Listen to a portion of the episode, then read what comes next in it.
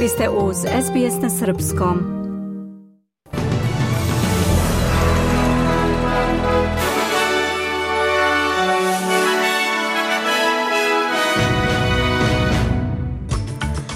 U Londonu nastavljen protest pristalica australijskog novinara Juliana Sanža.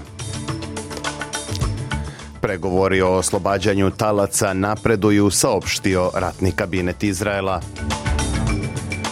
Predsednik Republike Srpske Milorad Dodik sastao se sa ruskim predsednikom Vladimirom Putinom.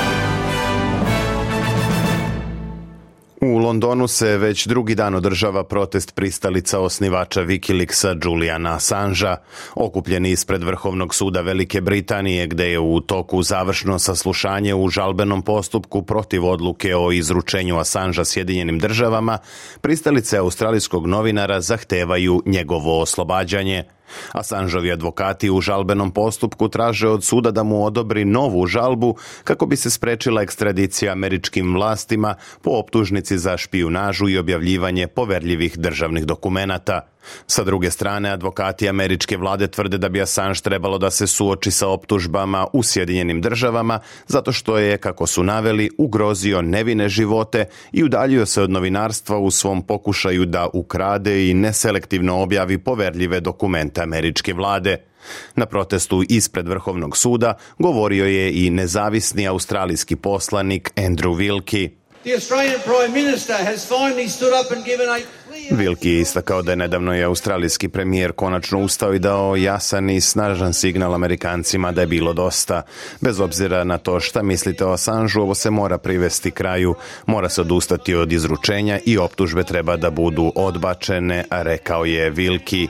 On je takođe zahtevao da Assange bude pušten iz zatvora Belmarš i da mu se dozvoli da ponovo bude uz svoju porodicu.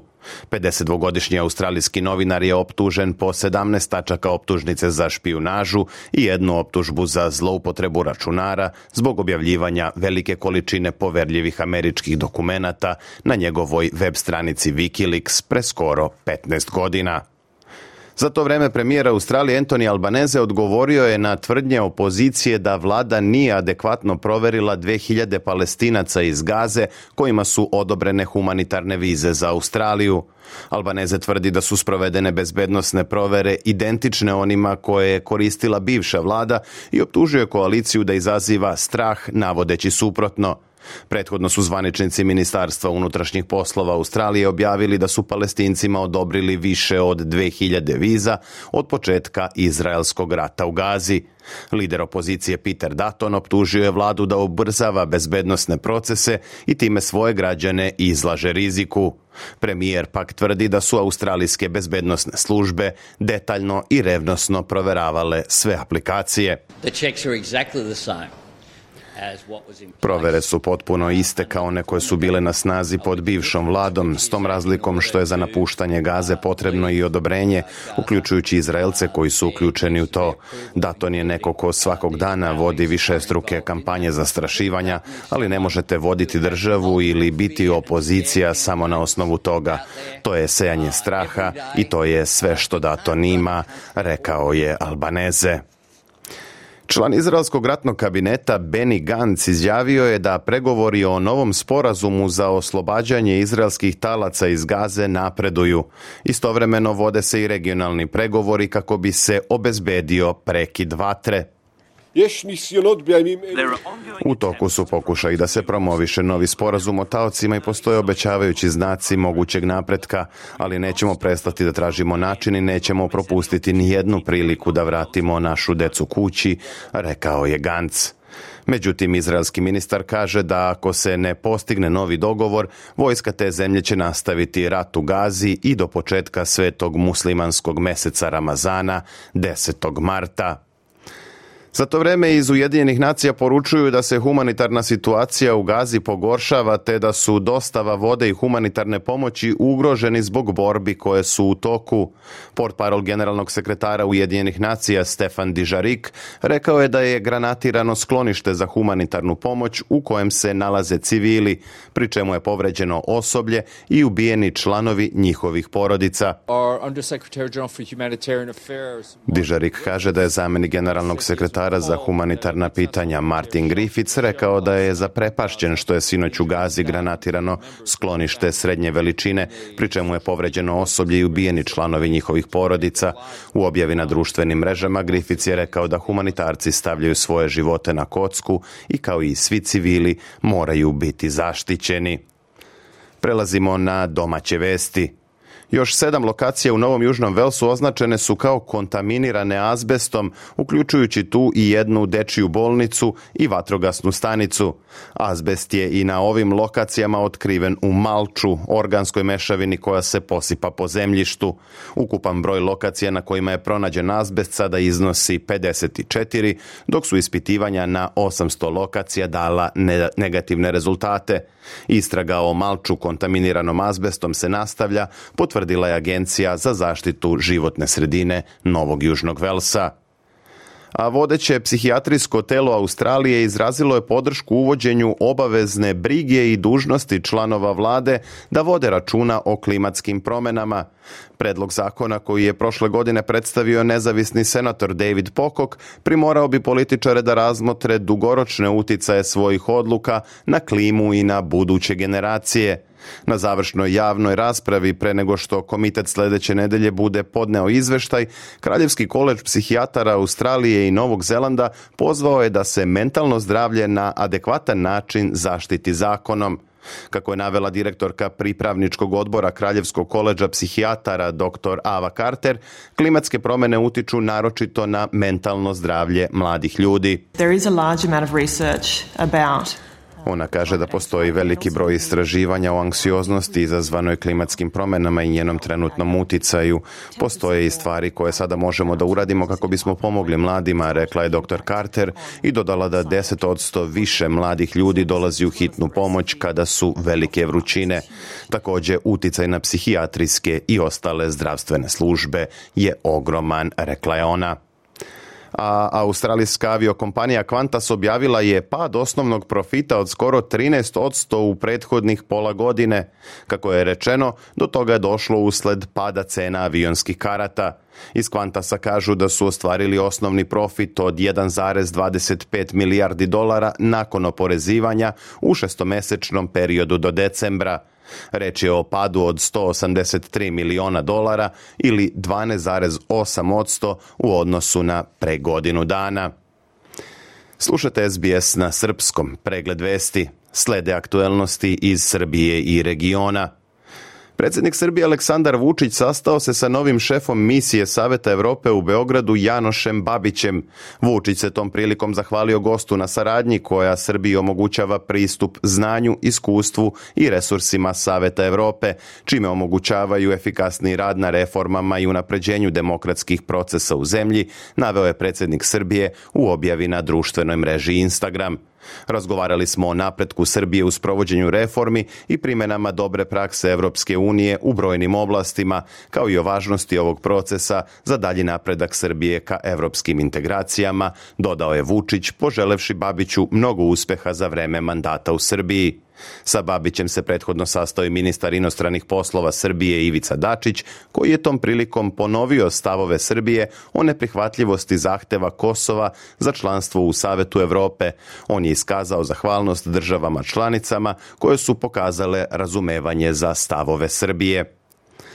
Prvi potpredsednik vlasti u Prištini Besnik Bisljimi izjavio je da je iz Brisela dobio poziv za sastanak na kojem će se razgovarati o odluci vlade Kosova da zabrani upotrebu dinara. Bisljimi je tim povodom istakao da se neće odazvati pozivu i da neće učestvovati na sastanku jer kako je naveo, pitanje dinara nije deo dijaloga. Postoji zahtev Brisela da se sledeće nedelje održi sastanak o pitanju regulisanja prenosa valuta iz Srbije na Kosovo, ali to nije sastanak na koji bi trebalo da ide glavni pregovarač, jer pitanje dinara nije deo dijaloga, istakao je Bisljimi posle okruglog stola Ekonomski razvoj za Srbe na Kosovu, koji je u Čaglavici organizovao Centar za humanitarni dijalog. Bisljimi tvrdi da je zaslanik Evropske unije za dijalog Miroslav Lajčak prekršio principe koje je sam postavio, rekavši da je to prvi put da je zakazao sastanak bez koordinacije sa stranama. On nije naveo ko će predstavljati Prištinu na sastanku u Briselu, ali je istakao da će Kurtijeva vlada u narednim danima objaviti spisak od 10 mera kojima će pokazati kako će voditi računa da građani ne budu oštećeni u prelaznoj fazi do pune primene uredbe o uvođenje evra kao jedine valute na Kosovu. Za to vreme predsednik Srbije Aleksandar Vučić je gostujući na RTS-u odgovorio na pitanje da li čeka poziv iz Brisela. Kako je rekao, čeka se poziv da neko ode i da razgovara, ali da nema o čemu, jer kako je istakao, premijer privremenih prištinskih institucija Albin Kurti neće da priča o zajednici srpskih opština niti o dinaru. Vučić je takođe rekao da Kurti laže o tromesečnoj suspenziji primene uredbe, a u stvari suspenzije neće ni biti, jer Priština i dalje zaustavlja dinar na administrativnoj liniji, prenosi RTS. U Srbiji nije zabeleženo povećano zračenje, saopštio je direktorat za nuklearnu sigurnost i bezbednost Srbije povodom vesti o curenju radioaktivnog materijala u Rumuniji nedaleko od Temišvara – Prema dostupnim informacijama, u Temišvarskom institutu za radijacionu higijenu prilikom redovnih merenja otkrivena je povišena radioaktivnost, saopštio je direktorat. Rumunski stručni timovi utvrdili su da je povišena radioaktivnost lokalnog karaktera i da nema opasnosti po stanovništvo u okolini, navodi se u saopštenju. Takođe se dodaje da direktorat za radijacionu i nuklearnu sigurnost i bezbednost Srbije nastavlja da prati situaciju i da će redovno izveštavati javnost. Republika Srpska je naš prijatelj i hvala što podržavate Rusiju, poručuje predsjednik te zemlje Vladimir Putin u razgovoru sa predsjednikom Republike Srpske Miloradom Dodikom. Prilikom susreta u ruskom gradu Kazanju, Dodik je istakao da Republika Srpska odbija da se pridruži sankcijama Rusiji i da ne želi da uđe u NATO. Putin je s druge strane istakao da zna da situacija u Republici Srpskoj nije jednostavna i da je Rusija spremna da razgovara o tom pitanju. Ruski predsjednik je dodao i da će ova posjeta delegacije Republike Srpske dati doprinos međusobnoj saradnji i da će Rusija iskoristiti i razmatrati bilateralne odnose u različitim pravcima. Kako prenosi RTS, Putin je uručio Dodiku orden Aleksandra Nevskog za veliki doprinos razvoju saradnje Rusije i Bosne i Hercegovine i jačanju partnerstva sa Republikom Srpskom. U poslednjih pet godina više od 30.000 građana Crne Gore zatražilo je promenu jezika na svojoj ličnoj karti, a preko 21.000 zatražila je istu promenu i na pasošu. Prema podacima Ministarstva unutrašnjih poslova Crne Gore, najveći broj zahteva stigao od građana koji su tražili da im lična karta i pasoš budu na srpskom jeziku, njih 18.880, odnosno 10.263 građana. U poslednjih pet godina ličnu kartu i pasoš na crnogorskom jeziku, čiriličnim pismom, zatražile su 5.542, odnosno 2.773 osobe. Ličnu kartu i pasoš na albanskom zahtevalo je 5305, odnosno 6345, a takođe zabeleženo je 409 zahteva za lične karte i 218 za pasoše na hrvatskom jeziku. Lične isprave na bosanskom tražilo je 1402, odnosno 1900 osoba, obavestio je MUP Crne Gore. I za kraj vest koja stiže iz svemira – Letelica kompanije Intuitive Machines iz američkog grada Houstona koja treba da se spusti na mesec uspešno je ušla u lunarnu orbitu. Biće to prvo američko sletanje na mesec u više od 50 godina i prvo ikada koje će izvesti privatni svemirski brod. Šestonožni robot za sletanje nazvan Odisej dostigao je kružnu orbitu od 92 km iznad površine meseca, objavila je američka kompanija u saopštenju. Planirano je da se letelica spusti na mesecu u petak u 9.30 ujutro po standardnom vremenu australijske istočne obale.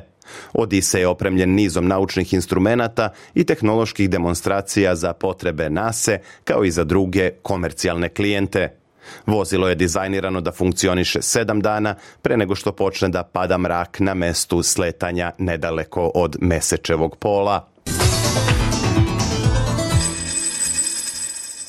Na međunarodnom tržištu valuta jedan australijski dolar danas vredi 66 američkih centi, 61 eurocent, 52 britanska penija i 70 srpskih dinara i 90 para.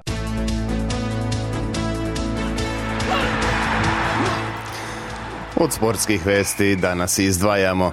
Futbaleri Napolija i Barcelone odigrali su nerešeno 1-1 u prvom meču osmine finala Lige šampiona. Španski klub je poveo golom Levandovskog, a izjednačio je Osimen 15 minuta pre kraja susreta. U drugom meču osmine finala odigranom ovog jutra po australijskom vremenu, Porto je na domaćem terenu pobedio Arsenal sa 1-0. Gol odluke je postigao Galeno u sudijskoj nadoknadi vremena. Dan ranije Inter je bio bolji od Atletico Madrida takođe sa 1-0, dok su PSV Eindhoven i Borussia Dortmund igrali nerešeno 1-1. Revanš mečevi igraju se 13. i 14. marta. A srpski teniser Novak Đoković osigurao je prvo mesto na ATP rang listi najmanje do 1. aprila. Đokovićeva prednost biće u narednih šest nedelja nedostižna za Carlos Alcarasa, pošto je mladi španac zbog povrede zgloba morao da preda meč Tiagu Monteiru u prvom kolu turnira u Rio de Janeiru. Alcaraz će zbog toga izgubiti bodove koje je osvojio pre godinu dana kada je osvojio turnir u Brazilu, pa će od idućeg ponedeljka imati još veći zaostatak za srpskim masom.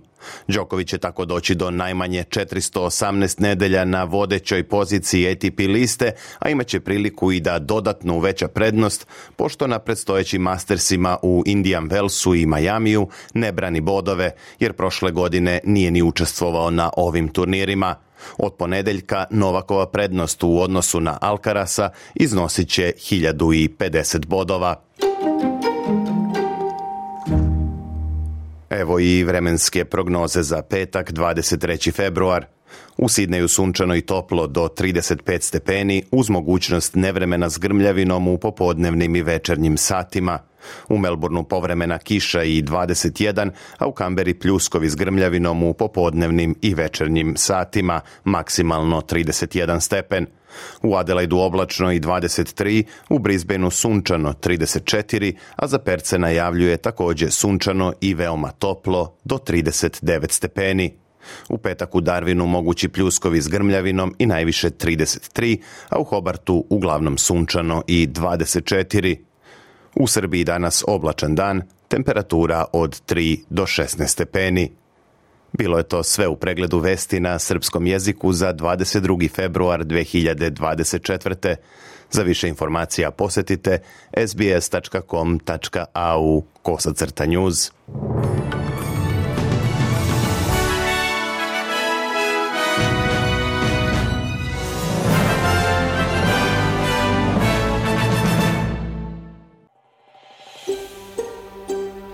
Želite da čujete još priča poput ove?